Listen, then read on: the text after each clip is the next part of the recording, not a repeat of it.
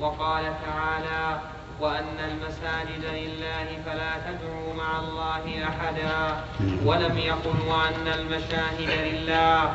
وكذلك سنة رسول الله صلى الله عليه وسلم الثابتة كقوله في الحديث الصحيح من بنى لله مسجدا بنى الله له بيتا في الجنة ولم يقل مشهدا وقال أيضا في الحديث صلاة الرجل في المسجد تفضل عن صلاته في بيته وسوقه بخمس وعشرين صلاة. وقال في الحديث الصحيح من تطهر في بيته فأحسن, فأحسن الطهور ثم خرج إلى المسجد لا, لا تنهزه إلا الصلاة. كانت خطواته إحداهما ترفع درجة والأخرى تحط خطيئة. فإذا جلس ينتظر الصلاة فالعبد في صلاة ما دام ينتظر الصلاة. والملائكة تصلي على أحدكم ما دام في مصلاه الذي صلى فيه. اللهم اغفر له اللهم ارحمه ما لم يحدث. وهذا مما علم بالتواتر والضرورة من دين في هذا الحديث قول ما دام في مصلاه الذي صلى فيه قد يؤخذ منه أن الإنسان لا بد أن يبقى في مكان صلاته. من أجل أن تصلي عليه الملائكة. وأنه لو قام إلى مكان آخر في المسجد لم يحصل له هذا الثواب. لكن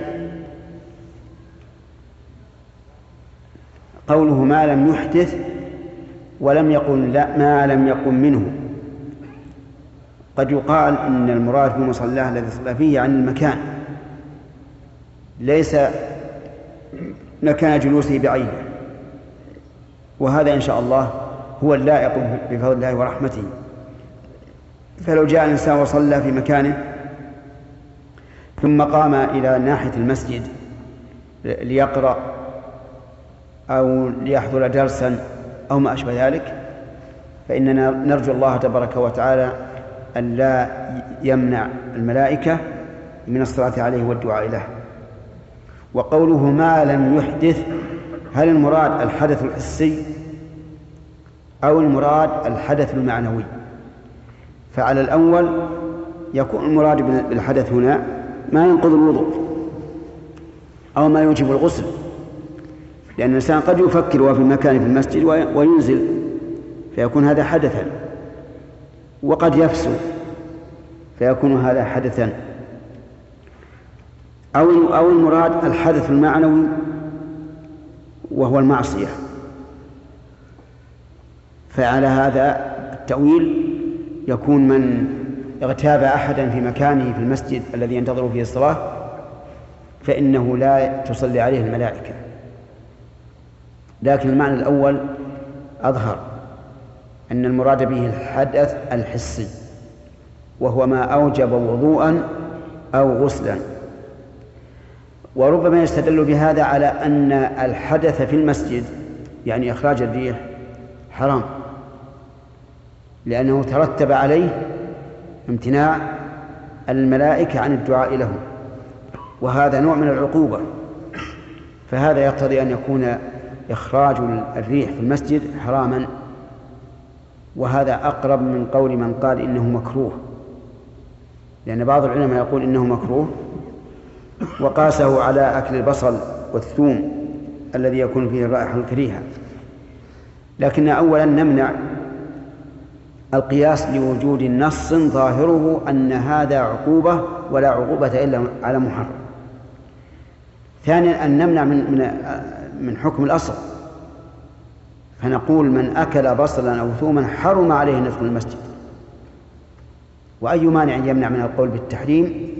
والرسول عليه الصلاة والسلام شدد في ذلك حتى قال لا يقربن مساجدنا. وأخبر أن ذلك يؤذي الملائكة. وأذية الملائكة ليست بالأمر الهين. فالقول بتحريم دخول المسجد على آكل البصل ونحوه قول قوي يؤيده ظاهر السياق. والخلاصة أن الرجل إذا جلس ينتظر الصلاة بعد أن صلى ما كتب له فإنه في صلاة والملائكة تستغفر له إلا إذا أحدث. نعم. وهذا مما علم بالتواتر والضرورة من دين الرسول صلى الله عليه وسلم فإنه أمر بعمارة المساجد والصلاة فيها. ولم يأمر ببناء مشهد لا على قبر نبي ولا غير قبر نبي ولا على مقام نبي ولم يكن على عهد الصحابة والتابعين وتابعيهم في بلاد الإسلام لا الحجاز ولا الشام ولا اليمن ولا العراق ولا خرسان ولا مصر ولا ولا مصر ولا المغرب مسجد مبني على قبر ولا مشهد يقصد للزيارة أصلا ولم يكن أحد من السلف يأتي إلى قبر نبي أو غير نبي لأجل الدعاء عنده ولا كان الصحابة يقصدون الدعاء عند قبر النبي صلى الله عليه وسلم ولا عند قبر غيره من الأنبياء. وإنما كانوا يصلون ويسلمون على النبي صلى الله عليه وسلم وعلى صاحبيه. واتفق الأئمة على أنه إذا دعا بمسجد النبي صلى الله عليه وسلم وقد لبس بعض القبوريين بالنسبة لقبر النبي صلى الله عليه وسلم وقال إن مسجد إن مسجد النبي صلى الله عليه وسلم فيه قبر. وهذا من من الأشياء المتشابهة التي يسلكها من في قلوبهم زيغ. وإلا فالأمر واضح. فالمسجد لم يبنى على قبر النبي عليه الصلاة والسلام. والنبي صلى الله عليه وسلم لم يقبر في المسجد. وإذا انتفى هذا انتفى الإشكال. ما دام المسجد لم يبنى على القبر والقبر لم يحدث في المسجد انتهى الإشكال. ولم يرد إطلاقا. ولكن كما تعلمون أنهم لما أرادوا أن يزيدوا في المسجد آه، على عهد الخلفاء بني أمية في آه، في آخر عام التسعين رأوا أن هذه الجهة أيسر بالنسبة للزيادة فزادوا المسجد من قبلها وقالوا إن بيوت زوجات النبي عليه الصلاة والسلام أحق ما يكون أن تدخل في المسجد. وكانت بيوت الرسول عليه الصلاة والسلام كلها بحذاء بيت عائشة. وبقي بيت عائشة لأن فيه قبر النبي صلى الله عليه وسلم وقبر صاحبيه ولا يمكن أن يهدم. فتبين بهذا أن القبر مستقل ببناية خاصة. وأيضا هذه البناية هل بنيت على القبر؟ لا البناية السابقة. والصحابة رضي الله عنهم جعلوا قبر النبي عليه الصلاة والسلام في بيته لئلا يتخذ آه، قبره مسجدا. فخافوا من ذلك وقالوا هو في بيتي أحمى له وأحرص. نعم.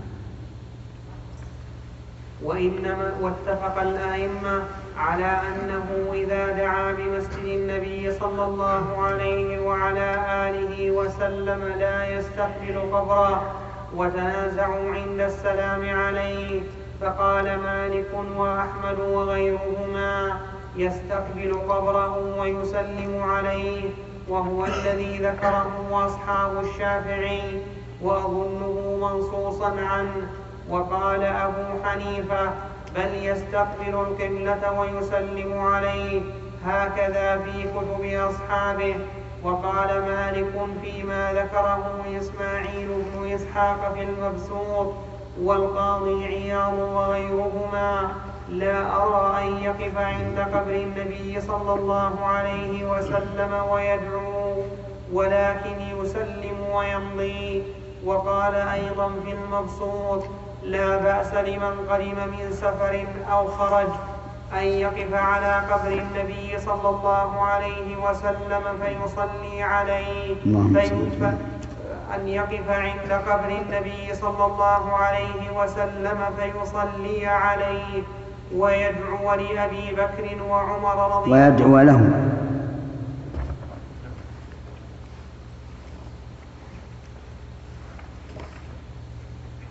ويدعو له ولأبي بكر نعم. ويدعو له ولأبي بكر وعمر رضي الله عنهما فقيل له فإن ناسا من أهل المدينة لا يقدمون من سفر. الآن عندنا فيما يظهر ثلاث أقوال القول الأول أنه يستقبل القبر ويسلم. ويصلي عليه. والقول الثاني أنه لا يستقبل القبر. يسلم ووجهه إلى القبلة. وليس هذا بغريب فنحن الآن نسلم عليه ووجوهنا إلى غير القبر إلى القبلة. حتى في في مسجد النبي صلى الله عليه وسلم نسلم عليه والقبر وراءنا. وهذا مذهب أبي حنيفة كما قرره أصحابه. الثالث أنه لا يستقبل هذا ولا هذا ولكن يسلم وهو مار. يسلم وهو مار. ولهذا قال يسلم ويمضي ولا يقف. ولا شك أن أن المشروع أن يستقبله هذا الذي يظهر لنا يستقبل القبر ويسلم على الرسول صلى الله عليه وسلم ويدعو له وعلى أبي بكر وعمر ثم ينصرف ولا يقف للدعاء. نعم. فقيل له وقال أيضا في المبسوط لا بأس لمن قدم من سفر أو خرج أن يقف على قبر النبي صلى الله عليه وسلم أنا عندي عند قبر النبي. على جل نسخة عند قبر. أن يقف عند قبر النبي صلى الله عليه وسلم فيصلي عليه ويدعو له ولأبي بكر وعمر رضي الله عنهما فقيل له فإن ناسا من أهل المدينة لا يقدمون من سفر ولا يريدونه يفعلون ذلك في اليوم مرة أو أكثر عند القبر فيسلمون ويدعون ساعة. فقال لم يبلغني هذا عن عن أحد من أهل الفقه ببلدنا. ولا يصلح آخر هذه الأمة إلا ما أصلح أولها. ولم يبلغني عن أول هذه الأمة وصدرها أنهم كانوا يفعلون ذلك ويكره إلا لمن جاء من سفر أو أراده الله أكبر. هذا كلام فصل من الإمام مالك. إذا قدمت من سفر أو أردت أن تسافر فسلم على النبي صلى الله عليه وسلم كحال كحال المسلم في الدنيا يسلم عند القدوم ويسلم عند السفر. وأما كونه كلما صلى فرضا جاء وسلم كما يظهر من فعل الناس اليوم فهذا ليس من السنة. بل ينبغي أن يبين للناس أن هذا إن لم يلحقهم به وزر فليس لهم فيه أجر. لأنه كما قال الإمام مالك رحمه الله لا يصلح آخر هذه الأمة إلا ما أصلح أولها. وهذه كلمة من زمانه إلى اليوم. تنطبق على كل زمان. لا يصلح أول هذه آخر هذه الأمة إلا ما أصلح أولها. نعم. وقد تقدم في ذلك من الآثار عن السلف والأئمة ما يوافق هذا ويؤيده من أنهم كانوا إنما يستحبون عند قبره ما هو من جنس الدعاء له والتحية. كالصلاة والسلام ويكرهون قصده للدعاء والوقوف عنده للدعاء ومن يرخص منهم في في شيء من ذلك فإنه إنما يرخص فيما إنما ترخص. طيب. اللي عندكم زين ما فيها شيء. ومن يرخص منهم في شيء من ذلك فإنه إنما يرخص فيما إذا سلم عليه ثم أراد الدعاء أن يدعو مستقبلا القبلة أو مستدبر القبر أو, أن يدعو مستقبلا القبلة إما مستدبر القبر وإما منحرفا عنه وهو أن يستقبل القبلة ويدعو ولا يدعو مستقبل القبر. وهكذا المنقول عن سائر الأئمة. ليس في أئمة المسلمين من استحب للمرء أن يستقبل قبر النبي أن يستقبل قبر النبي صلى الله عليه وسلم ويدعو عنده. يدعو. ويدعو عنده. وهذا الذي ذكرناه عن مالك والسلف يبين حقيقة الحقيقة يبين حقيقية الحكاية المأثورة. عندنا حقيقة. ها؟ نعم. صلح سام يبين حقيقة الحكاية المأثورة عنه وهي الحكاية التي ذكرها القاضي عياض عن محمد بن حميد. قال ناظر أبو قال ناظر أبو أبو جعفر أمير المؤمنين مالكا في مسجد الرسول صلى الله عليه وسلم فقال له مالك يا أمير المؤمنين لا ترفع صوتك في هذا المسجد فإن الله تعالى أدب قوما فقال لا ترفعوا أصواتكم فوق صوت النبي ومدح قوما فقال إن الذين يغضون أصواتهم عند رسول الله وذم قوما فقال إن الذين ينادونك من وراء الحجرات أكثرهم لا يعقلون. الله وإن حرمته أدب ومدح وذم. الأدب في قوله لا ترفعوا أصواتكم فوق صوت النبي. والذم إن الذين ينادونك من وراء الحجرات أكثرهم لا يعقلون. والمدح إن الذين يغضون أصواتهم عند رسول الله. أولئك الذين يمتحن الله قلوبهم للتقوى. هذا إلهام من الله التقسيم يأتي بكل سهولة. الله أكبر. نعم. وإن حرمته ميتا كحرمته حيا فاستكان أبو أبو جعفر. لها. فاستكان لها.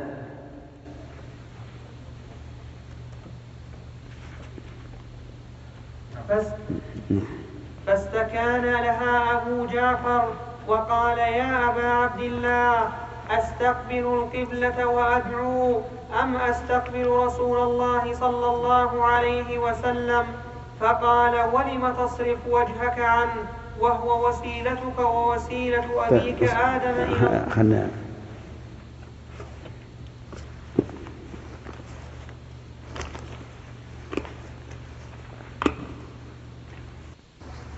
فقال ولم تصرف وجهك عنه وهو وسيلتك ووسيلة أبيك آدم إلى الله يوم القيامة؟ بل استقبل واستشفع به فيشفعه الله. وقال عندي واستشفع به يشفعك الله. يشفعه؟ ما أشاء النسخة؟ نعم. يشفعك الله. وقال الله تعالى ولو أنهم إذ ظلموا أنفسهم جاءوك فاستغفروا الله. الآية فهذه الحكاية على هذا الوجه إما أن تكون ضعيفة أو مغيرة وإما أن تفسر بما يوافق مذهبه إذ قد يفهم منها ما هو خلاف مذهبه المعروف بنقل الثقات من أصحابه. فإنه لا يختلف مذهبه أنه لا يستقبل القبر عند الدعاء. وقد نص على أنه لا يقف عند الدعاء مطلقا. وذكر طائفة من أصحابه أنه يدنو من القبر ويسلم على النبي صلى الله عليه وسلم ثم يدعو في هذه الحكاية ما يوهم أشياء خطيرة. أولا قوله وسيلتك ووسيلة أبيك آدم إلى الله يوم القيامة. هذا يجب أن يحمل على الشفاعة العظمى. فإن النبي صلى الله عليه وسلم هو الذي يشفع في الخلق ومنهم آدم وبنوه. وقول استشفع به قد توهم أن المعنى أنه يدعو الرسول أن يشفع له. فيقول يا رسول الله اشفع اشفع لي. ولكن يجب أن يحمل أن, أن على معنى أن تسأل الله أن يشفع لك.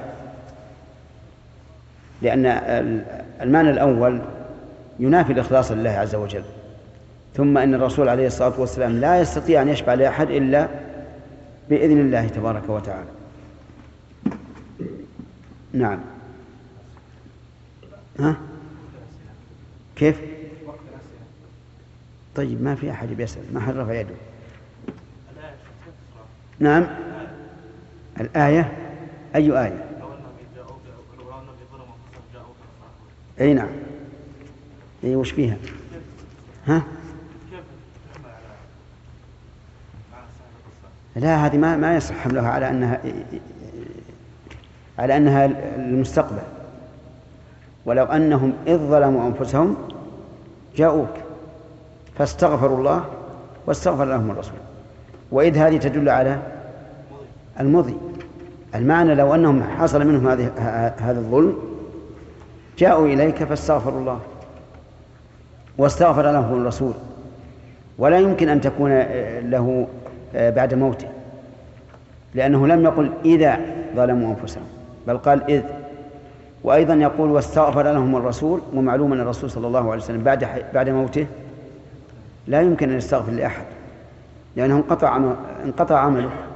كما قال هو عليه الصلاة والسلام إذا مات الإنسان انقطع عمله إلا من ثلاث صدقة جارية أو علم ينتفع به أو ولد صالح يدعو له. شيخ بارك الله فيكم قلنا بحرمة الريح في المسجد. نعم. ما حال المعتكف. نعم. حال الصحابة عندما كانوا ينامون. هذه قد هذه تكون ضرورة. أما الذي ينام هذا لا, لا, لا يرد لأنه يأتي بغير اختيار. لكن إذا كان يقظان فالقاه هذه حاجة ضرورة لأنه لأنه عارضها ما هو أقوى منها وهو وجوب البقاء في المسجد. نعم. الآن توجد قبة فوق قبر النبي صلى الله عليه وسلم مبنية. نعم. يحتج بها القبوريون أهل القبور. نعم. فهل تدخل في البناء على القبور؟ لا لأن هذه القبة لا شك أنها أنها غلط. لا شك أنها غلط ولا أحد يقرها. يعني جميع العلماء لا يرون أنها جائزة. لكن قد يتخلفون عن هدمها لأسباب أخرى. لكن لا حجة لهم. نعم. هم يحتجون بأن بوجودها ولو احتجوا عندنا نصوص محكمة. نعم. اللي وراك. لو دفن شخص بجوار مسجد وأراد أن يوسعوا هذا المسجد على ان يدخل قبر في الزنا هل لهم ذلك كما فعل بالنبي لا. يقال يوسع من يمين أو من شمال أو, أو من خلف القبلة. يضطروا ينقلون المسجد إلى مكان آخر ولا يشترون المكان الأمكنة. نعم. يحيى. إن الذين يغضون أصواتهم عند رسول الله أولئك الذين امتحن الله قلوبهم بالتقوى ولا ترفعوا أصواتكم فوق صوت النبي هذا الأدب الشيخ باقي من عليه وسلم إيش؟ هذا الأدب لا ترفعوا أصواتكم فوق صوت النبي. يعني باقية كما كما علمت من كلام مالك رحمه الله. وأمير المؤمنين عمر رضي الله عنه سمع رجلين يرفعان أصواتهما عند قبر النبي صلى الله عليه وسلم فسأل عنهما فقال فقال الناس هم من أهل الطائف.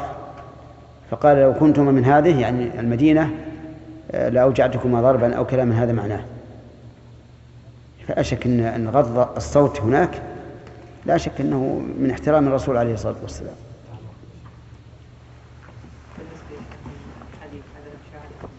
أي نعم. نعم. إيش؟ ما في مرتين كله ثلاث ما في مرتين كله ثلاث ما فهمت. الحديث أي نعم. أتيت به؟ ما أتيت به بحثت بحثت فيه ونظرت أي. ما في مرتين كلها ثلاث؟ الإمام أحمد وأبو داود والترمذي وابن ماجه. زين. أجل معناها وهذا هو الغالب في عهد في, في الرسول عليه الصلاة والسلام. الغالب أنه يكرر الشيء ثلاث مرات.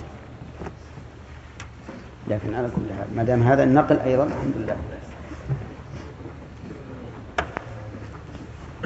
وصلى الله وسلم وبارك على عبده ورسوله نبينا محمد وعلى آله وأصحابه أجمعين. أما بعد فقد قال شيخ الإسلام ابن تيمية رحمه الله تعالى في اقتضاء الصراط المستقيم. فهذه الحكاية على هذا الوجه إما أن تكون ضعيفة أو مغيرة وإما أن تفسر بما يوافق مذهبه إذ قد يفهم منها ما هو خلاف مذهبه المعروف بنقل الثقات من أصحابه. فإنه لا يختلف مذهبه وأنه لا يستقبل القبر عند الدعاء. وقد نص على أنه لا يقف عند الدعاء مطلقا. وذكر طائفة من أصحابه أنه يدنو من القبر ويسلم على النبي صلى الله عليه وسلم ثم يدعو مستقبل القبلة ويوليه ومستقبل القبلة ويوليه ظهره. وقيل لا يوليه ظهره. فاتفقوا في استقبال القبلة وتنازعوا في تولية القبر ظهره. في تولية القبر ظهره وقت الدعاء. ويشبه والله أعلم أن يكون مالك رحمه الله سئل عن استقبال القبر عند السلام عليه وهو يسمي ذلك دعاء. فإنه قد كان من فقهاء العراق من يرى أنه عند السلام عليه يستقبل القبلة أيضا. ومالك يرى استقبال القبر في هذه الحال كما تقدم. وكما قال في رواية ابن وهب عنه إذا سلم على النبي صلى الله عليه وسلم يقف ووجهه إلى القبر لا إلى القبلة ويدنو ويسلم ويدعو. ولا يمس القبر بيده. وقد تقدم قوله إنه يصلي عليه ويدعو له.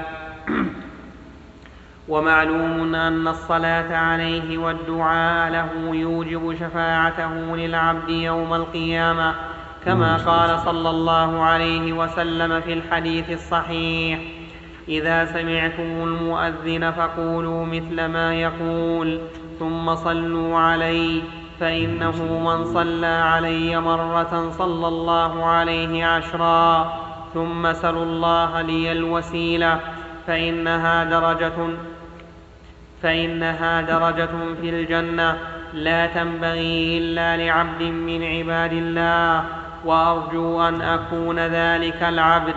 فمن سأل الله لي الوسيلة حلت عليه شفاعتي يوم القيامة فقول مالك قوله عليه الصلاة والسلام ثم صلوا عليه فيه دليل على أنه لا يجب الجمع بين الصلاة والتسليم. ثم هو مطلق ففيه دليل على أنه لا يجب أن نصلي كما علمهم النبي صلى الله عليه وسلم الصلاة عليه في الصلاة. يعني بمعنى أنه يجوز أن تقول قال رسول الله صلى الله عليه وإن لم تقل وسلم وإن لم تقل اللهم صل على محمد وعلى آل محمد وما زال العلماء رحمهم الله يفعلون هذا. وتعليم الرسول صلى الله عليه وسلم أمته أن يقولوا اللهم صل على محمد وعلى آل محمد إلى آخره هذا في الصلاة. لأنهم قالوا كيف نقول إذا صلينا عليك في صلاتنا. نعم. فقول مالك في هذه الحكاية إن كان ثابتا عنه معناه أنك إذا استقبلته وصليت عليه وسلمت عليه وسألت الله له الوسيلة يشفع. أنا عندي فمعناه ثابتا عنه فمعناه ما في فاء؟ عندي في ألف نسخة فمعناه فمعناه طيب. وسألت الله له الوسيلة يشفع فيك يوم القيامة. فإن الأمم يوم القيامة يتوسلون بشفاعته واستشفاع العبد به في الدنيا هو فعل هو فعل ما يشفع به له يوم القيامة كسؤال الله له الوسيلة ونحو ذلك. وكذلك ما نقل عنه من رواية ابن وهب إذا سلم على النبي صلى الله عليه وسلم. إذا قيل هل يجوز الاستشفاع بالرسول صلى الله عليه وسلم؟ فالجواب إن كان بفعل ما تحصل به الشفاعة فهو جائز.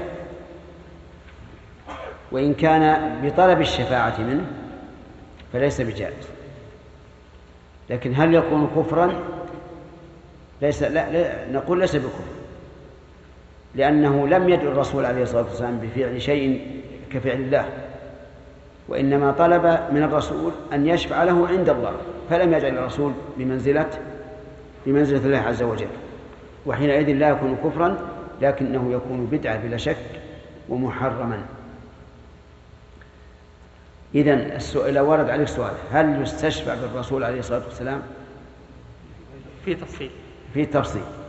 إن كان المراد يستشفع به أن يفعل ما يكون سببا لشفاعته فهذا حق. وإن كان يطلب منه الشفاعة فهذا لا يجوز. نعم.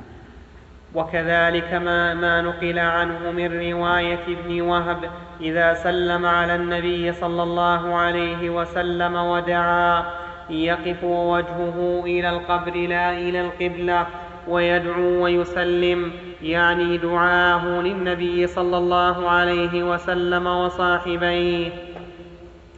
فهذا الدعاء هو المشروع هناك كالدعاء عند زيارة قبور سائر المؤمنين وهو الدعاء لهم.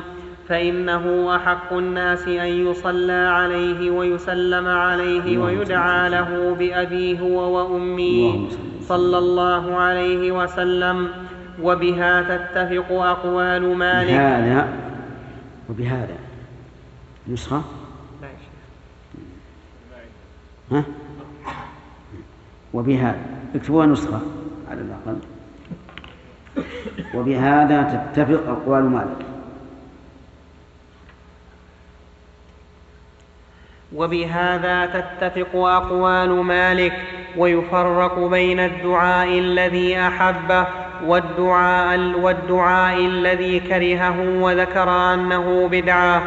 وأما الحكاية في الذي أحبه هو الدعاء للرسول عليه الصلاة والسلام.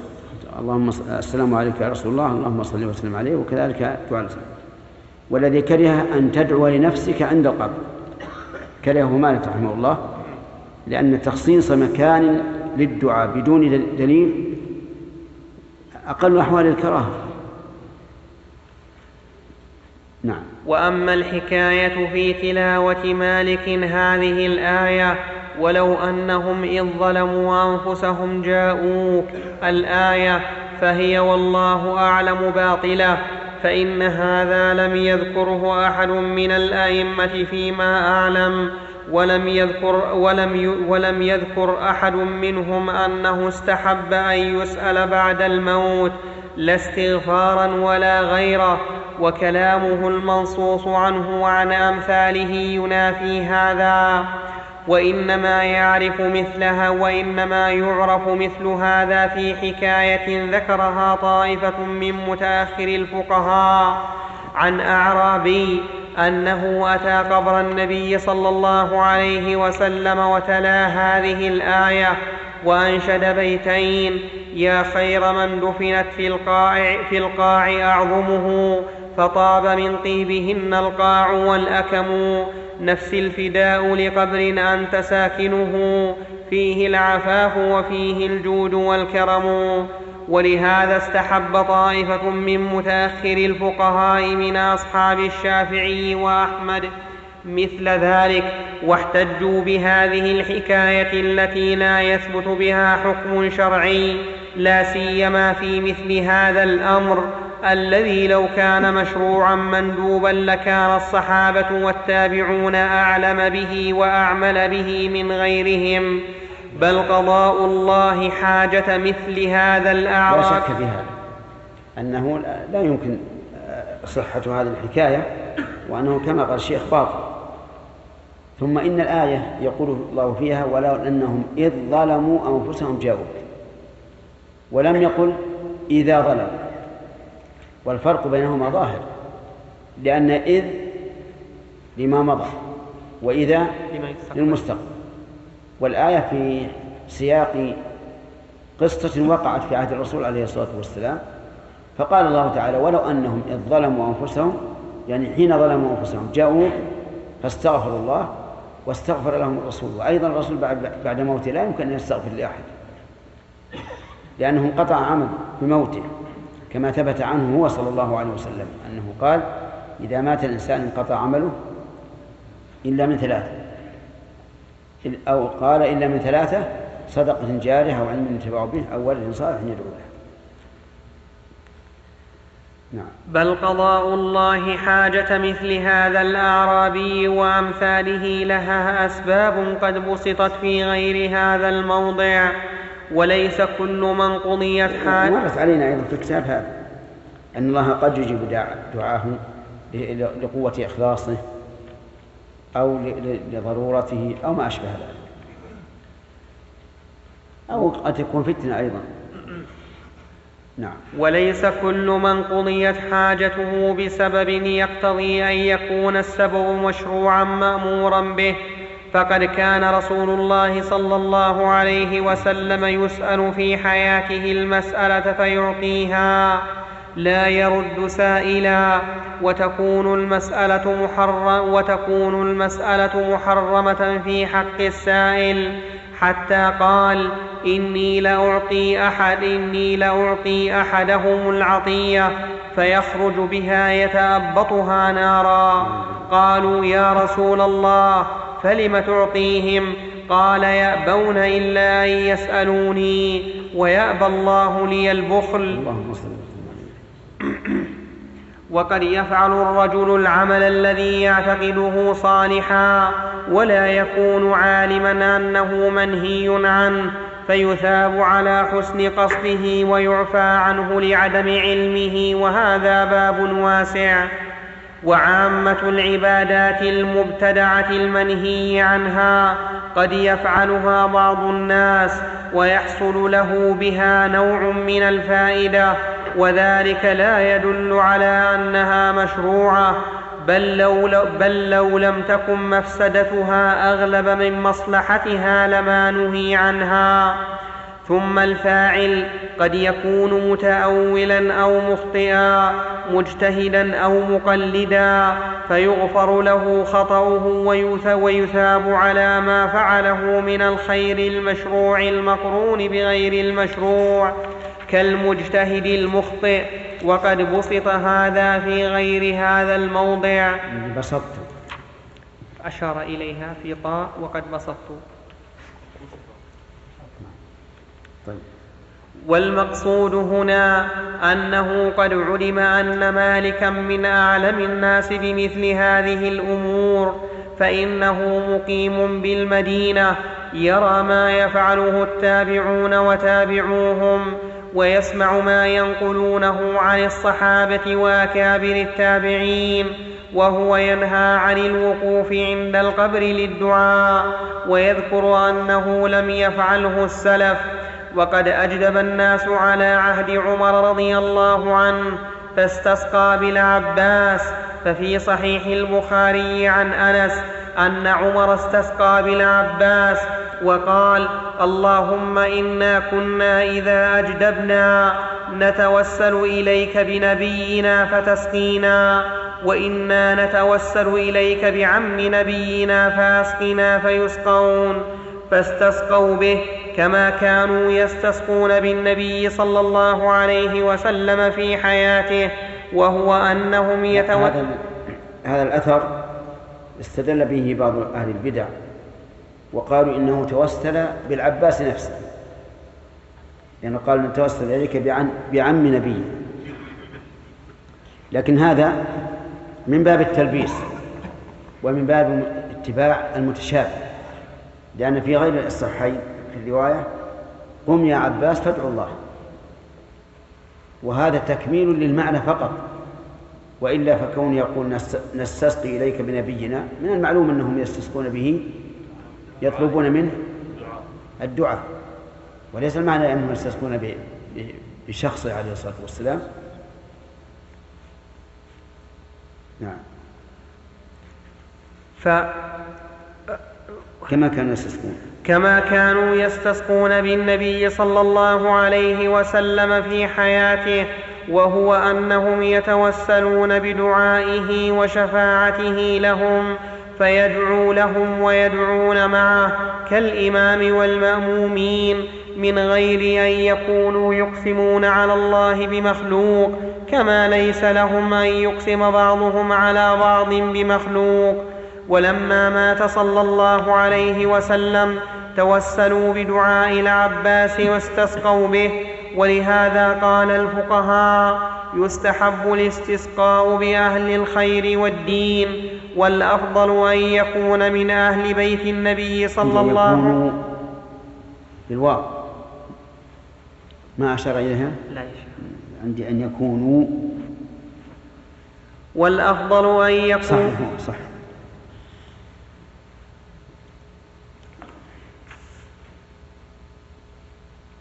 والأفضل أن يكونوا من أهل بيت النبي صلى الله عليه وسلم.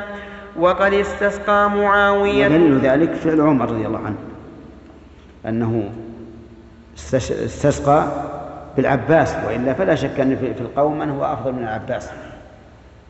عمر رضي الله عنه أفضل منه ومع ذلك لم يستسق بل طلب من العباس أن يستسق وق- وكذلك أيضا لا بد إذا كان من أهل البيت أن يكون فيهم صلاح. لأن بعض ال البيت من أفسق عباد الله وإن كانوا مسلمين لكنهم فسقه يغترون بالنسب ويظنون أنهم لما قربوا من الرسول صلى الله عليه وسلم بالنسب صاروا من المغفور لهم كأهل بدر وهذا غلط. فأهل البيت إذا لم يكونوا من الصلحاء لا يستشفع بهم في الدعاء. نعم. وقد استسقى معاوية بيزيد بن الأسود الجرشي وقال اللهم إنا نستسقي بيزيد بن الأسود. يا يزيد ارفع يدك. فرفع يديه ودعا ودعا الناس حتى ودعا الناس حتى أمطروا. ولم إيش؟ نعم. جاوبت السؤال. ها؟ كيف؟ ما أدري. هو جاء؟ نعم. طيب بأن سؤال النبي عليه الصلاة والسلام الشفاعة حرام وليس للكفر. نعم. مع أن شيخ كفار الجاهلية يعني كانت فيهم هذه الصفة أنهم يسألون أصنامهم أن يأتوا الشفاعة عند الله. لا لا. يدعونها هي. يدعونها هي.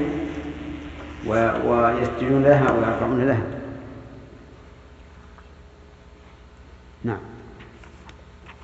البيتين الذي ذكرهما شيخ الإسلام. إيش؟ البيتان التي ذكرهما شيخ الإسلام في قصه الأعرابي. هل هما بيتان شركيان؟ إيش؟ بيتان اولا صحح هذا قبل أن تسأل. ما لا هي النحو فواك خل سيبويها بقبر رحمه الله. لا أن تصحح ال- ال- القصة هذه صحيحة ولا لا؟ ما هي صحيحة. نعم. شيخ بارك الله فيكم دعاء النبي صلى الله عليه وسلم سؤال الشفاعة ما يتضمن دعاء غير الله عز وجل؟ لأنه لما دعا أثبت أن النبي صلى الله عليه وسلم يسمع وأنه يجيب فاعتقد ما لا يجوز الاعتقاد إلا بالله عز وجل. لا ما هو ما هو لا. لأنه طلبوا الشفاعة لا شك أنه جعل منزلته تحت منزلة الله. أليس كذلك؟ فلم يسوه بالله. أما هو يطلب الشفاعة ليس يريد أن يشفع الآن. يريد الشفاعة له يوم القيامة في وقتها. وفي ذلك الوقت يتمكن منها الرسول عليه الصلاة والسلام. لكن دعاه الآن نعم. واعتقد أن يسمع دعاء وهو الرسول يسمع حتى إذا صليت عليه يسمع. حتى إذا سلمت عليه في أي مكان لأن الشيخ السلام جاء فيه يعني دليل خاص نعم. والأصل عدم السمع ما هو على كل حال ما ما, هو مسلم هذا؟ إن الأصل عدم السماع. حتى إن الرسول أخبر بأن من سلم على شخص يعرفه في- في حياته رد الله عليه روحه ورد عليه السلام.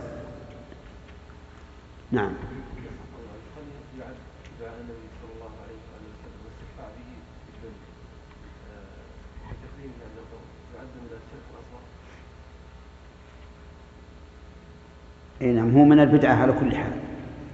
وقد يكون شركا أصغر لأنه قد يتوصل, يتوصل به الناس الفاعل والسامع إلى أن يدعو الرسول عليه الصلاة والسلام دعاء مباشرا فيقول يا رسول الله ارزقني يا رسول, يا رسول الله اهدني وما أشبه ذلك. هذا لا شك إنه كفر شرك أكبر. نعم. أقرأ يا شيخ. هي ما تم الوقت. ولم يذهب أحد من الصحابة إلى قبر النبي صلى أنا الله عندي و- يقول يا يزيد أزوج يديك. فزوج يديه. عندي. ها؟ قال في طاء زوج فزوج وهو تحريف. تحريف؟ تحريف. يقول هو له وجه. معنى أزوج يديك يعني ضم بعضهما إلى بعض. لكن بعيد أن يكون هذا بهذا اللفظ. عند ذكر ارفع يديك. عندي ارفع يدك فرفع يديه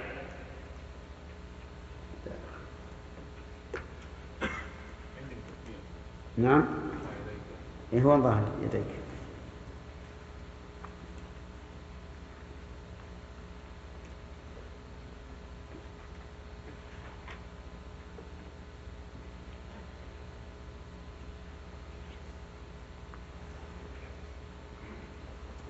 نعم.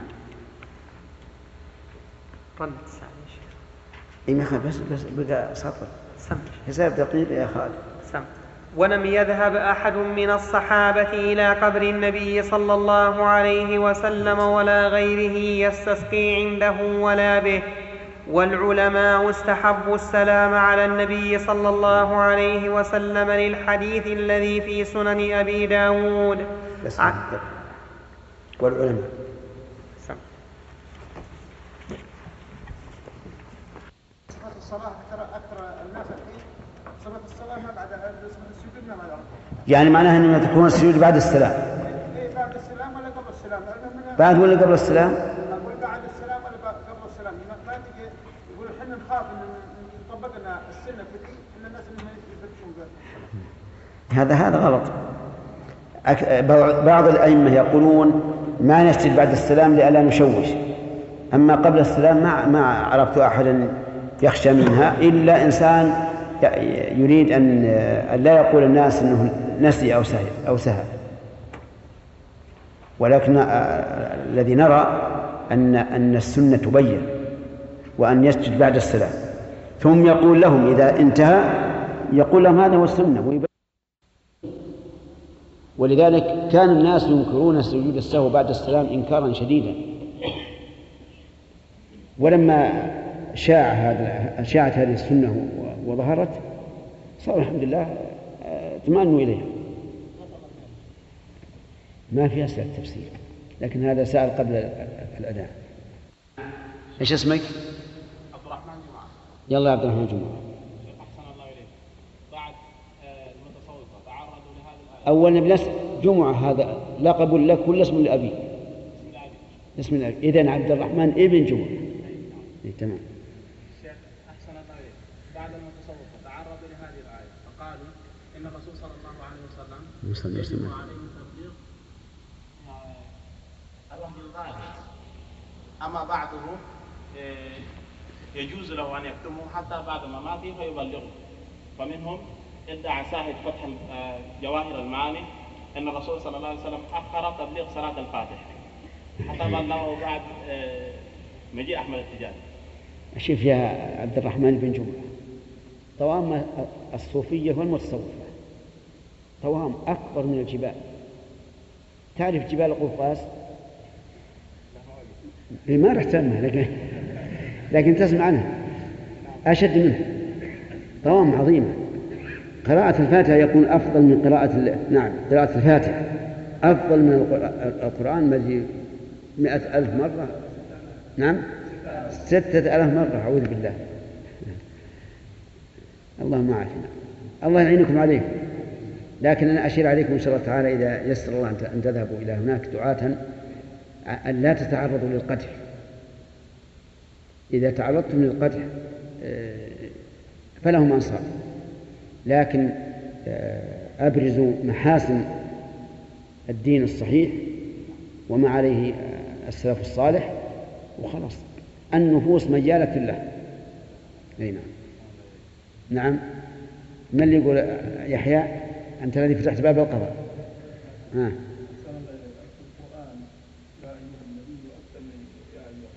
أيها أي آه، آه، المناسبة هذا. الرسول لها, لها محل وذيك لها محل. إذا تأملها الإنسان عرف أن النبي في في في, في الخطاب الخطاب المذكور أولى. أي نعم. نعم.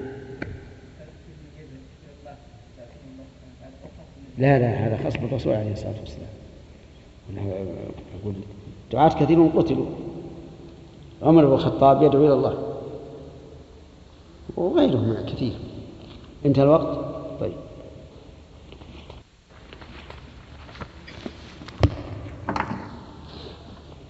لكن أرى إن شاء الله تعالى أن من قتل لكونه يدعو إلى الله أنه يكون من الشهداء. يكون من الشهداء لأنه قتل لكونه يريد أن تكون كلمة الله هي العليا فهو كالمجاهد. وإن كان المجاهد يعني أشد إقداما منه يعني يرى السيوف أمامه. نعم. لا لا. الشهيد لشخص معين لا تجوز أبدا. مطلقا. إلا من شهد له الرسول. لما صعد أحدا وقال اهتز بهم قال عليك نبي وصديق وشهيدا.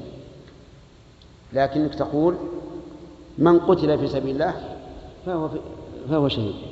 وقد خطب بذلك أمير المؤمنين عمر رضي الله عنه.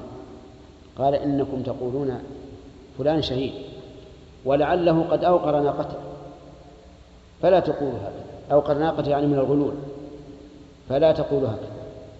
ولكن قولوا كما قال النبي صلى الله عليه وسلم من قتل في سبيل الله فهو شهيد. نعم. بسم الله الرحمن الرحيم.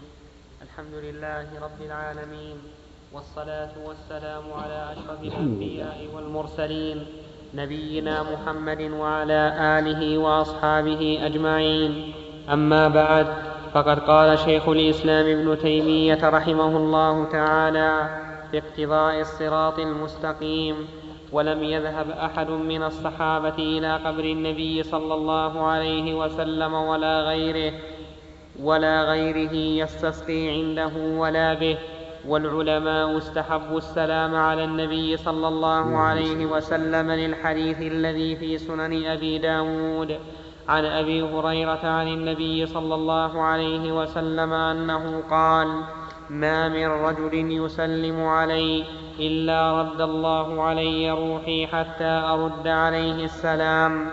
هذا مع ما في النسائي وغيره عنه صلى الله عليه وسلم أنه قال إن الله وكل بقبري ملائكة يبلغوني عن أمتي السلام.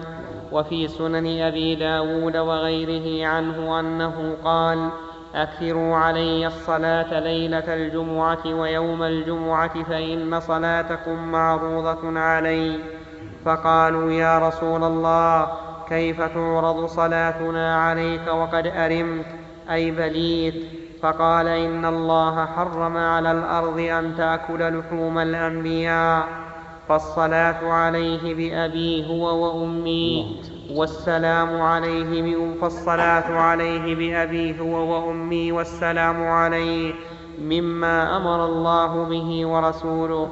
وقد ثبت في الصحيح أنه قال قوله عليه الصلاة والسلام إن الله حرم على الأرض أن تأكل لحوم الأنبياء فيه إضافة التحريم إلى ما لا يعقل. لأن توجه الخطاب يكون إلى إلى من؟ إلى من يعقل. لكن جميع الكائنات بالنسبة لخطاب الله هي عاقل ولهذا لما استوى إلى السماء وهي دخان فقال لها والأرض ائتيا طوعا أو كرها. قالتا أتينا طائعين وهذا الوصف وصف لمن يعقل. ولهذا قال أت... قالتا أتينا طائعين. بجمع المذكر السالم الذي لا يكون إلا للعاقل. لأنهما بتوجيه الخطاب إليهما وإجابتهما صار بمنزلة العاقل كذلك تحريم أكل لحوم الأنبياء على الأرض من هذا الباب. وهذا يجب علينا الإيمان به أن لحوم الأنبياء لا يمكن أن تأكلها الأرض غير الأنبياء الأصل أنها تأكل تأكل لحوم الإنسان الأرض. ولا يبقى إلا عجب الذنب. وعجب الذنب هو عبارة عن شيء صغير يبقى بإذن الله لا تأكله الأرض. منه نعم لا تأكل الأرض يكون كالبذرة للجسم عند البعث. أما بقية الجسم يذهب.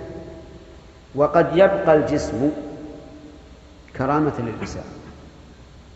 قد يبقى جسم الإنسان غير الأنبياء كرامة الله وقد حدثنا من كثيرا بعض الناس أنهم حفروا أساسا لسور البلد فوجدوا رجلا ميتا يابسا وشعره باقي ولما انفتح اللحد فاح عليهم ريح أطيب من ريح المسك.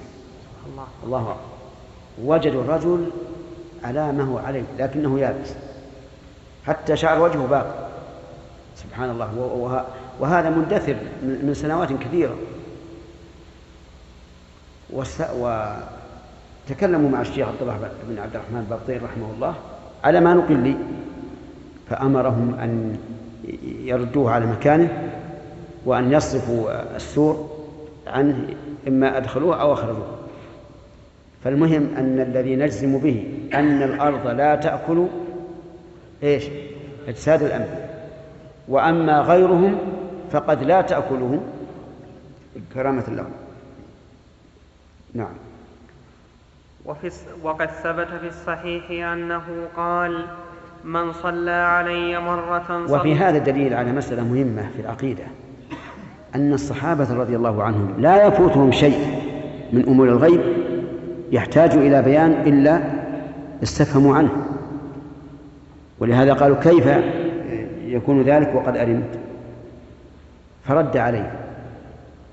ونأخذ من هذه الفائدة أنه لا يجوز لنا أن نتكلم أو نتعمق في مسائل الصفات إذا لم يكن جاء عن الصحابة لأنهم هم أحرص منا وأذكى منا وأعقل منا. لكنهم أهيب منا أن يتقدموا بين يدي الله ورسوله. نعم. وقد ثبت في الصحيح أنه قال من صلى علي مرة صلى الله عليه بها عشرا اللهم صل وسلم والمشروع لنا عند زيارة. عند زيارة قبور الأنبياء والصالحين وسائر المؤمنين هو من جنس المشروع عند جنائزهم. فكما أن المقصود بالصلاة على الميت الدعاء له فالمقصود بزيارة قبره الدعاء الدعاء له. كما ثبت عن النبي صلى الله عليه وسلم في الصحيح والسنن والمسند أنه كان المسند ما يعلم هي عندي عندكم؟ يقول عندي والمسند ساقطة من طاء. لا. طيب. نعم.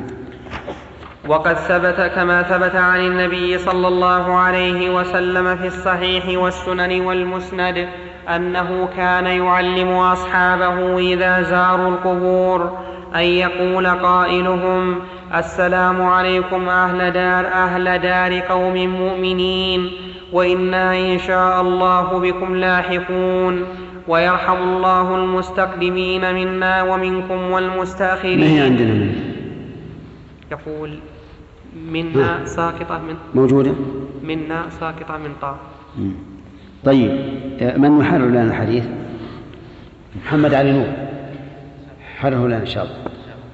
لأن آه، في النفس منها شيء منا. نعم.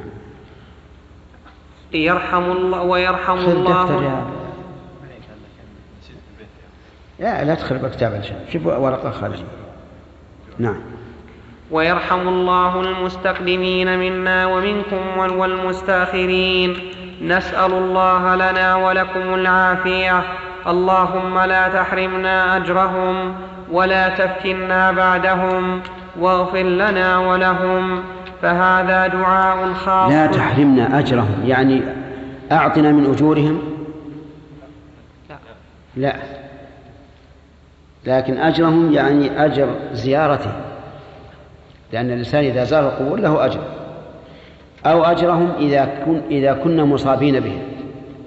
ولا شك أن أنه لا يخلو أحد من إصابة من في أهلها في أه- في أهل هذه القبور. نعم. اللهم لا تحرمنا أجرهم ولا تفتنا بعدهم واغفر لنا ولهم فهذا دعاء خاص للميت كما في دعاء الصلاة على الجنازة كما في كما في دعاء الصلاة على الجنازة الدعاء العام والخاص. اللهم اللهم اغفر لحينا وميتنا وشاهدنا وغائبنا وصغيرنا وكبيرنا وذكرنا وأنثانا إنك تعلم منقلبنا ومثوانا. أي هذه زائدة عندك. إنك تعلم. ما أشار إليها؟ إلا يا شيخ. يقول أخرجه الترمذي في كتاب الجنائز باب ما يقول في الصلاة على الميت. وليس في قوله إنك وليس في قوله إنك تعلم منقلبنا ومثوانا. وقال الترمذي في هذا الحديث حديث ولد إبراهيم حديث حسن صحيح. نعم. قال في هذا نعم. قوله إنك تعلم منقلبنا ومثوانا ساقطة من ألف وطاء. وين عندي؟ أنا عندي بالتاء ما ها؟ عندي بالتاء وش؟ منقلبة. متقلبنا هي هي ما دام ما جاء في الحديث المرفوع. إذا تأملت صلاة الجنازة يبدأ فيها أولا بحق الله. ثم بحق الرسول ثم بحق العموم ثم بحق الخصوص. الفاتحة الصلاة على النبي الدعاء العام الدعاء الخاص. في التشهد كذلك. أولا التحية لله ثم السلام على الرسول صلى الله عليه وسلم ثم السلام على المصلي وعباد الله الصالحين. نعم. أي ثم يخص الميت بالدعاء قال الله تعالى في حق المنافقين ولا تصل على أحد منهم مات أبدا ولا تقم على قبره إنهم كفروا بالله هذه الفائدة قد لا تتيسر أنه يبدأ بالعام في الجنائز ثم إيش؟ ثم بالخاص. فلذلك لو لو تقيد على هامش بعض الكتب اللي, اللي كتب الفقهاء. نعم. فلما نهى الله نبيه صلى الله عليه وسلم عن الصلاة عليهم والقيام على قبورهم لأجل كفرهم دل ذلك بطريق التعليل والمفهوم على أن المؤمن يصلى عليه ويقام على قبره. ويقام. على أن المؤمن يصلى عليه ويقام على قبره ولهذا في السنن أن النبي صلى الله عليه وسلم كان إذا دفن الرجل من أصحابه يقوم على قبره ثم يقول سلوا له التثبيت فإنه الآن يسأل. فأما أن يقصد بالزيارة سؤال الميت ولكنه لا يقوله على آه، يدعو بالناس كما يفعله بعض الجهال الآن. يدعو بالناس فيقول اللهم اغفر له اللهم ثبته. إنما أمر بأن يستغفر له ويسأل له التثبيت. وكل إنسان يدعو بذلك في نفسه. نعم. فأما أن يقصد بالزيارة سؤال الميت أو, أو, أو الإقسام به على الله أو استجابة الدعاء عند تلك البقعة فهذا لم يكن من فعل أحد من سلف الأمة لا الصحابة ولا التابعين لهم بإحسان وإنما حدث ذلك بعد ذلك بل قد كره مالك وغيره من العلماء أن يقول القائل زرنا قبر النبي صلى الله عليه وسلم وقال القاضي عياض كره لا يقول قائل إن شيخ الإسلام رحمه الله يعني يستهون سؤال الميت والإقسام به على الله. لأنه قال لم يكن من فعل أحد من السلف. وإذا لم يكن من فعلهم فماذا يكون؟ هل نقول مكروه أو حرام أو شرك؟ نرجع إلى مقتضى الأدلة في في مكان آخر. إيه نعم. وقال القاضي عياض كره بل قد سم بل قد كره. مالك. بل قد كره مالك وغيره من العلماء أن يقول القائل زرنا قبر النبي صلى الله عليه وسلم وقال القاضي عياض كره مالك أن يقال زرنا قبر النبي صلى الله عليه وسلم وذكر عن بعضهم أنه علله بلعنه صلى الله عليه وسلم زوارات القبور. قال وهذا يرده قوله نهيتكم عن زيارة القبور فزوروها. وعن بعضهم نقف أن سم. أقول نقف وذكر عن وذك وذ- وقال القاضي لا على ذا الكلام طويل تصل بعض البعض الآن العامة أكثر ما يقولون زرنا قبرا وبعض الجهال الذين يأتون من خارج يرون أن زيارة الرسول عليه الصلاة والسلام أفضل من ال- الطواف بالكعبة. وهذا غلط غلط عظيم. نعم أقول زرت قبر الرسول عليه الصلاة والسلام إذا إذا انتهى. أقول صليت في مسجده وزرت قبره. أما أن أذهب وأنا أقصد زيارة القبور زيارة القبر فهذا إنما يكون من جهل. ولكن اذهب واقصد الصلاة في المسجد. مسجد النبي صلى الله عليه وسلم لأن لأن النبي صلى الله عليه وعلى آله وسلم قال لا تشد الرحال إلا إلى ثلاث مساجد المسجد الحرام والمسجد هذا والمسجد الأقصى. نعم. شيخ بارك الله فيكم. بعض الناس الذين يحجون من داخل السعودية خاصة أصحاب الحملات نعم. يعني يأتيهم اقتراحات ويعني يسمع عنهم أنهم يريدون أن يجعلوا بعد الحج زيارة للمدينة النبوية. هل مثل هذه الأمور يوافقون عليها أم أنهم يعني يردون سد الذريعة؟ والله أنا أرى أنه أنه لا لا لا يقرن هذا بهذا. لا يقرن هذا بهذا. لكن الفقهاء رحمهم الله عذرهم في أنهم جعلوا زيارة, القبر في آخر باب الحج. أنه في ذلك الوقت السفر صعب. صعب على الناس. خوف وشدة وبعد فكانوا يذكرون زيارة المدينة في آخر كتاب الحج. وإلا فإن مكان زيارة قبر الرسول تكون في في كتاب الجنائز. فإذا خيف أن الناس يظنون أن من كمال الحج أن أن يزار المسجد النبوي فهنا إما أن يبين للناس وإما أن يترك. نعم يا سليم الله عنك يا شيخ الله- الله سبحانه وتعالى نهى الرسول صلى الله عليه وسلم عن عن الصلاة على المنا- على المنافقين يا شيخ نعم. واخواننا يعني الناس اليوم نعرف يعرفون الناس اليوم من الموتى ما هو ما هو يعني متشدد في الفسوق وما هو متوسط وما هو صاحب طاعة وش تصير الأقسام يا شيخ لهذا؟ هذا شيء مختص بالرسول صلى الله عليه وسلم ولا يعني ولا الإنسان لا هذا هذا عام لكن بارك الله فيك. من يعلم أن- أن هذا منافق؟ لا لا لا الاعمال الاعمال الفسق اللي الإنسان يعني لو فرض ان ان في إنسان فاسق معروف يشرب الخمر ولا يصلي مع الجماعة ويزني ويسرق ويلوط والعياذ بالله صلينا عليه وسألنا له الرحمة. بعض الناس يا شيخ يموت وهو والناس يتحققون أن بعض الأحيان الصلاه وبعض الأحيان يصلي هذا هذا على ما أرى أنه ليس بكافر الذي يصلي ويخلي هذا غير كافر جزاك الله خير نعم. إيش؟ الحق الخاص في صلاة الجنازة. ما المقصود به؟ الدعاء الخاص مو الحق الخاص. اللهم اغفر له وارحمه وعافه هذا دعاء خاص. لا لا مو لنفسك دعاء خاص للميت. الأول اللهم اغفر لحينا وميتنا هذا عام. واللهم اغفر له وارحمه هذا خاص. كبر الإمام تكبيرة خالصة. إي نعم؟ يدعو للميت يدعو للميت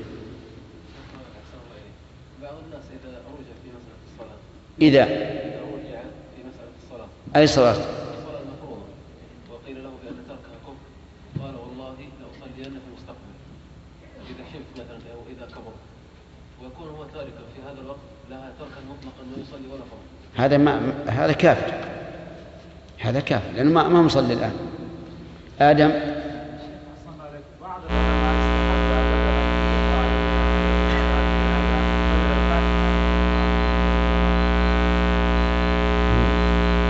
عجيب وتترك الفاتحة ويترك قول رسول الله صلى الله عليه وسلم لما قبل الكتاب. ويترك قول ابن عباس لما جهر بها. إنما فعلت ذلك ليعلموا أنها سنة.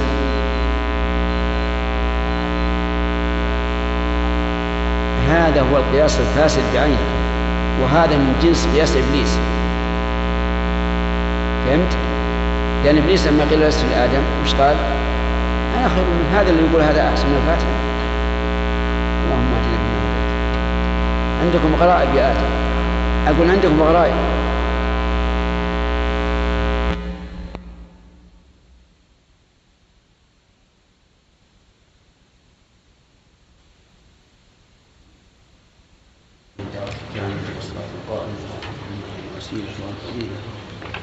وقد هو قال من قولهم الذي وافتحون انك لا تخلف الميعاد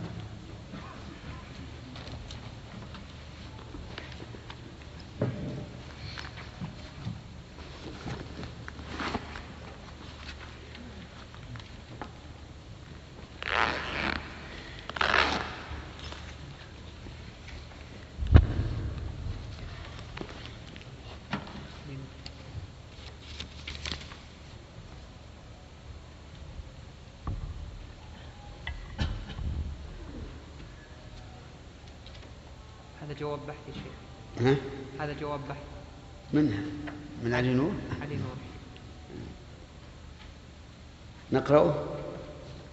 رأيك يقول راجي رح- ربه الغفور دوما علي هو ابن نوري. نعم. فالحمد لله على ما أنعم حمدا كثيرا بعد ذاك. فالحمد لله على ما أنعم حمدا كثيرا بعد ذاك. ما يستقيم. بعد ذاك لعله جمما إن صح ثم الصلاة ثم الصلاة على النبي المصطفى. مآله وآله وآله ومن بعهده وفى. فيرحم الله المستقدمين منا. لا يعني هذا أول مرة يمكن. أي طيب. أجل نقبل على تكسيره وتبجيله. فيرحم الله المستقدمين منا. هل فيك في الحديث أعني من أعني منا ها؟ أعني منا أعني منا قد طلب الشيخ مني بحثه فحقق الله لما أحبه. وليس ذا البحث دليل علمي فليس لي فيه سوى ذا النظم. هذه مسروقة يا رجل.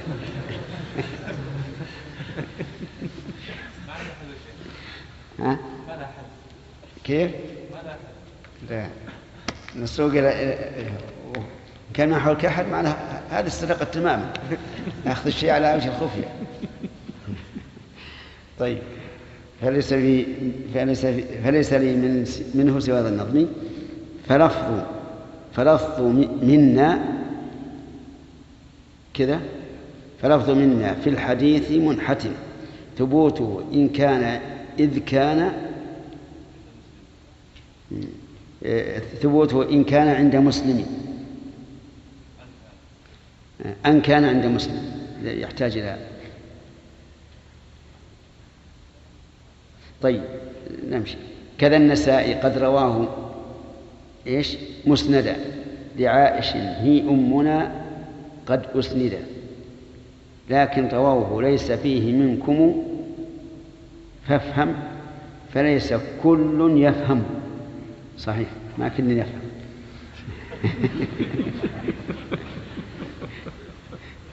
طيب بارك الله فيك. يعني بعضهم حدث منكم المستقدمين منكم منا والمستأخرين دون منكم. نعم. يحتاج رواية مسلم. طيب لكن لكن لكن رووه وليس فيه منكم ما فافهم فليس كل يفهم. و وعذر ذا الإمام عن أحمد أن جوزوا رواية بلا اعتداء. بأن يساق المعنى دون لفظه وحسبه أن كان ذا من حفظه. وش معنى هذا؟ عذر الإمام أحمد؟ أي أنا أحمد. أن جوزوا رواية ها يعني الذي ليس فيها. بأن يساق المعنى دون لفظه وحسبه أن كان ذا من حفظه. فوفق فوفق اللهم شيخنا الأبر أعني ابن صالح ذلك إيش؟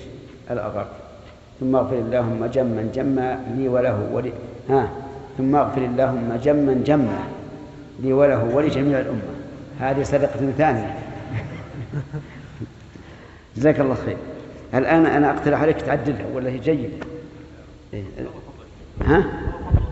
ما شاء الله. هذه أول قصيدة؟ ثانية. في الثالثة عاد يثبت التكرار.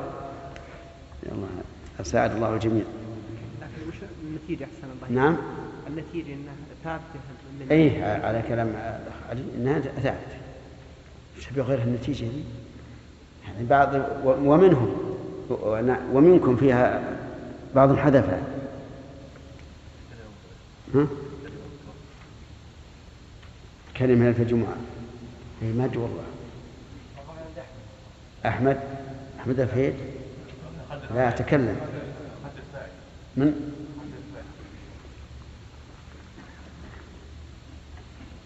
أبدأ شيء نعم. بسم الله الرحمن الرحيم. الحمد لله رب العالمين والصلاة والسلام على أشرف الأنبياء والمرسلين نبينا محمد وعلى آله وأصحابه أجمعين. أما بعد فقد قال شيخ الإسلام ابن تيمية رحمه الله تعالى في اقتضاء الصراط المستقيم وقال القاضي عياض كره مالك أن يقال زرنا قبر النبي صلى الله عليه وسلم. زرنا قبر النبي صلى الله عليه وسلم وذكر عن بعضهم أنه علله بلعنه صلى الله عليه وسلم زوارات القبور. قال وهذا يرده قوله نهيتكم عن زيارة القبور فزوروها. وعن بعضهم أن الزائر أفضل من المزور. قال وهذا مردود بما جاء من زيارة أهل الجنة لربهم. قال والأولى يعني من أهل بعضهم قال لا تقل زرت القبر لأن الزائر أشرف من المزور. فيقتضي أنك إذا قلت زرت قبر النبي أنك أشرف منه. فرده بهذا الرد العجيب. نعم. قال والأولى أن يقال في ذلك إنه إنما كرهه مالك لإضافة الزيارة إلى قبر النبي صلى الله عليه وسلم وأنه لو قال زرنا النبي صلى الله عليه وسلم لم يكره لقوله اللهم لا تجعل قبري اللهم لا تجعل قبري وثنا يعبد. اشتد غضب الله على قوم اتخذوا قبور أنبيائهم مساجد. فحمى اضافه هذا اللفظ إلى القبر والتشبه بأولئك قطعا للذريعة وحسما للباب. قلت غلب في عرف كثير من الناس. استعمال لفظ. زرنا في زيارة قبور الأنبياء والصالحين على استعمال لفظ زيارة القبور في الزيارة البدعية الشركية لا في الزيارة الشرعية. ولم يثبت عن النبي صلى الله عليه وسلم حديث واحد في زيارة قبر مخصوص ولا روى أحد في ذلك شيئا. لا أهل الصحيح ولا السنن ولا الأئمة المصنفون في المسند كالإمام أحمد وغيره وإنما روى ذلك من جمع الموضوع وغيره وأجل حديث روي في ذلك ما رواه الدار قطني وهو ضعيف باتفاق أهل العلم بالأحاديث المروية في زيارة قبره كقوله من زارني وزار أبي إبراهيم الخليل في عام واحد ضمنت له على الله الجنة. ومن زارني بعد مماتي فكأنما زارني في حياتي. ومن حج ولم يزرني فقد جفاني. ونحو هذه الأحاديث كلها مكذوبة موضوعة. لكن النبي صلى الله عليه وسلم رخص في زيارة القبور مطلقا بعد أن كان قد نهى عنها.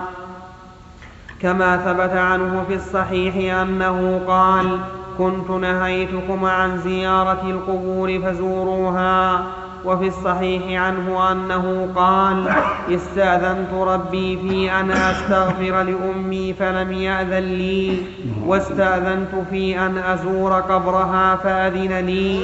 فزوروا القبور فإنها تذكركم الآخرة فهذه زيارة لأجل تذكرة الآخرة ولهذا يجوز زيارة قبر الكافر لأجل ذلك. وكان صلى الله عليه وسلم يخرج إلى البقيع فيسلم على موتى المسلمين ويدعو لهم فهذه زيارة مختصة بالمسلمين كما أن وفي منعه تبارك وتعالى النبي صلى الله عليه وسلم أن يستغفر لأمه لأمه دليل على أنه لا يجوز للإنسان أن يسأل ما لا يمكن شرعا لأن هذا عدوان في الدعاء. فلو سأل الله أن يجعله نبيا قلنا هذا حرام. هذا لا يجوز. والظاهر أن مثله لو سأل الله تعالى أن ينزله منازل الأنبياء في الجنة فإن هذا من الاعتداء في الدعاء. لأنه لا لأن منازل الأنبياء خاصة بهم. وأما حديث إن أهل الجنة لا يتراءون أهل الغرف كالكوكب الدري الغابر في الأفق. قالوا يا رسول الله تلك منازل الأنبياء لا ينالها غيرهم. أو قالوا أو قال قالوا الشهداء قال بلى والذي نفسي بيده رجال آمنوا بالله وصدقوا المرسلين يعني ينالون هذه الغرف فهذا لا يدل على أن منازل غير الأنبياء تكون في منازل الأنبياء. إذن فالضابط أن كل من دعا الله بما لا يمكن شرعا فإنه معتد في الدعاء. ومن ذلك أن الله تعالى لا يستجيب لمن دعا بإثم أو قطيعة رحم لأن الله لا يرضاه وكذلك لو دعا بما لا يمكن شرع قدرا مثل أن يقول اللهم أقم الساعة الآن فإن هذا لا يمكن قدرا بحسب إخبار الله لا بحسب قدرة الله الله قادر على أن أن تقوم الساعة الآن لكن الساعة لها إيش؟ لها أشراط تسبقها بخبر الله ورسوله. فعلى كل حال الضابط هو هذا أنه لا يجوز للإنسان أن يسأل ما لا يمكن شرعا أو قدرا. نعم. كما أن الصلاة على الجنازة تختص بالمؤمنين. وقد استفاض عنه صلى الله عليه وسلم في الصحيح أنه قال لعن الله اليهود والنصارى اتخذوا قبور أنبيائهم مساجد يحذر ما فعلوا قالت عائشة ولولا وهل يجوز إذا رأينا قوما اتخذوا قبور الأنبياء أو من يزعمونهم أولياء مساجد هل يسوغ لنا أن نلعنهم؟ يحتمل لأن العلة واحدة. فإذا رأينا أقواما بنوا مسجدا على قبور من يدعون أن من يدعون أنه نبي أو ولي واتخذوه مساجد فلنا أن نقول اللهم لعن من فعل هذا من اتخذ قبورهم مساجد. لكن لا نعين الشخص. نعم. ولو قالت عائشة ولولا ذلك لأبرز قبره ولكن كره أن يتخذ مسجدا.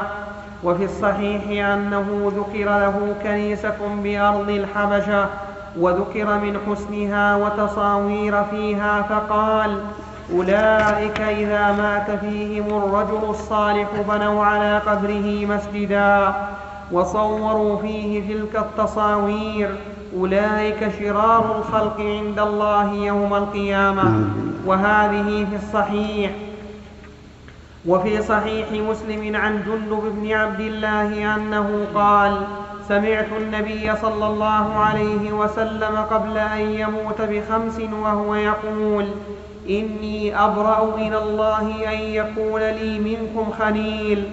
فإن الله قد اتخذ لي خليلا كما اتخذ إبراهيم كما اتخذ إبراهيم خليلا.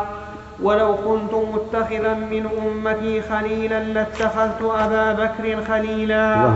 ألا وإن من كان قبلكم كانوا يتخذ يتخذون قبور أنبيائهم مساجد. ألا فلا تتخذوا القبور مساجد فإني أنهاكم عن ذلك. اللهم صل وسلم وفي السنن عنه أنه قال لا تتخذوا قبري عيدا. في هذا دليل على أن أحب الناس إلى الرسول عليه الصلاة والسلام أبو بكر وأنه لولا أنه تبرأ أن يكون منه خليل أن يكون خليلا لأحد من أمته لاتخذ أبا بكر رضي الله عنه خليلا. وعلى هذا فالذين يكرهون أبا بكر كرهوا من؟ من أحبه النبي صلى الله عليه وسلم فكانوا مخالفين للرسول عليه الصلاة والسلام فيما أحب. نعم. وفي السنن عنه أنه قال لا تتخذوا قبري عيدا وصلوا علي حيثما كنتم فإن صلاتكم تبلغني. وفي الموطأ وغيره عنه المناسبة بين قول لا تتخذوا قبري عيدا وصلوا علي حيثما كنتم أنه ربما يأتي الإنسان إلى قبر الرسول ليصلي عليه. فكأنه قال اقصر اقصر خطوتك فإنك في أي مكان صليت عليه سوف يبلغني. اللهم صل وسلم نعم. وفي الموطأ وغيره عنه صلى الله عليه وسلم أنه قال اللهم لا تجعل قبري وثنا يعبد. اشتد غضب الله على قوم اتخذوا قبور أنبيائهم مساجد وفي المسند وصحيح أبي حاتم عن, عن ابن مسعود عنه صلى الله عليه وسلم أنه قال إن من شرار الناس من تدركهم الساعة وهم أحياء والذين يتخذون القبور مساجد. ومعنى هذه الأحاديث متواتر عنه صلى الله عليه وسلم بأبي هو وأمي وكذلك عن أصحابه. فهذا الذي ينهى عنه من اتخاذ القبور مساجد مفارق لما أمر به وشرعه من السلام على الموتى والدعاء لهم. فالزيارة المشروعة من جنس الثاني والزيارة المبتدعة من جنس الأول فإن نهيه عن اتخاذ القبور مساجد يتضمن النهي عن بناء المساجد عليها وعن قصد الصلاة عندها وكلاهما منهي عنه باتفاق العلماء فإنهم قد نهوا عن بناء المساجد على القبور بل صرحوا بتحريم ذلك كما دل عليه النص. واتفقوا أيضا على أنه لا يشرع قصد الصلاة والدعاء عند القبور ولم يقل أحد من أئمة المسلمين أئمة ولم يقل أحد من أئمة المسلمين إن الصلاة عنده والدعاء عنده. عندها عندها يعني القبور.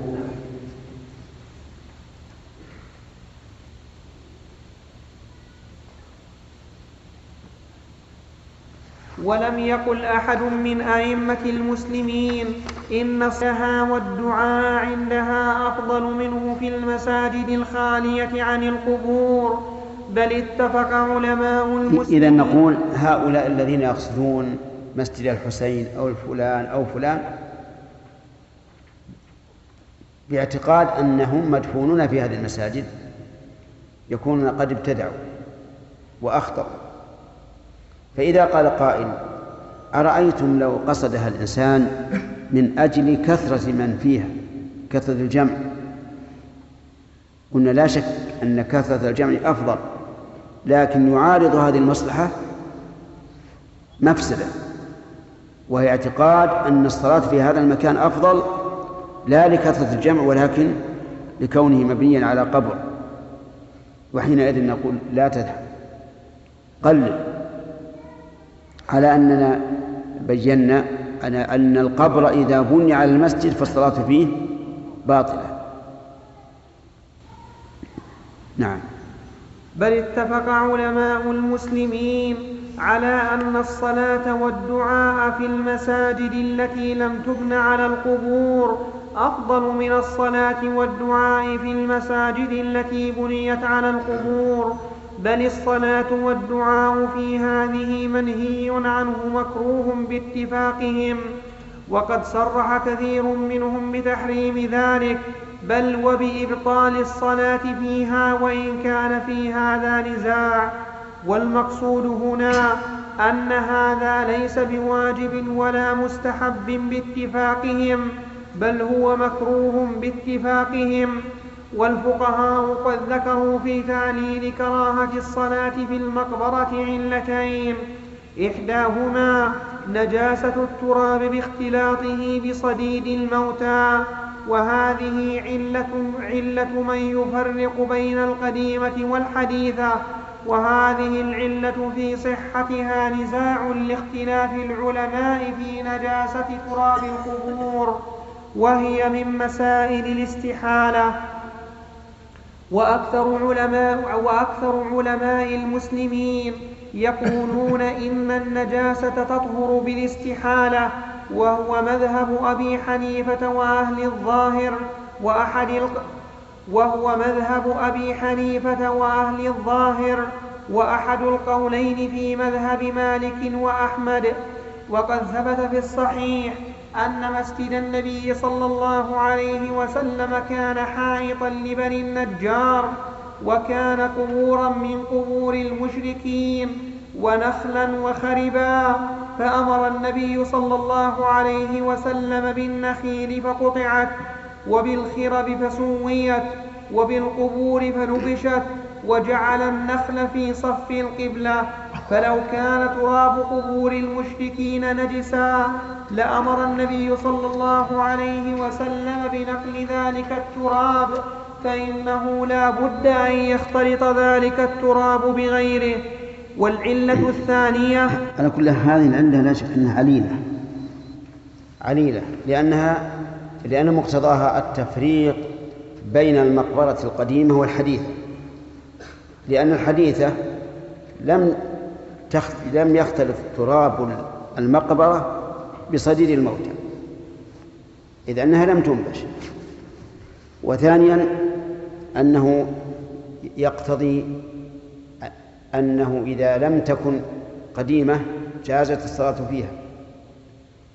والحديث عام. إلا المقبرة والحمام. وأيضا يبطل هذه العلة أن بدن المسلم طاهر حتى بعد موته ولذلك يغسل فيطهر. ولو ولو كان نجس العين ما طهر ولو وضعته في, في المياه في مياه البحار. فبدن الكافر طاهر. حتى لو اختلط الصديد بالأرض فهو طاهر. نعم. بدن المسلم طاهر. وكذلك على القول الراجح بدن الكافر طاهر. وعلى هذا فالعلة هذه باطلة. لا لا لا يصح التعليل بها.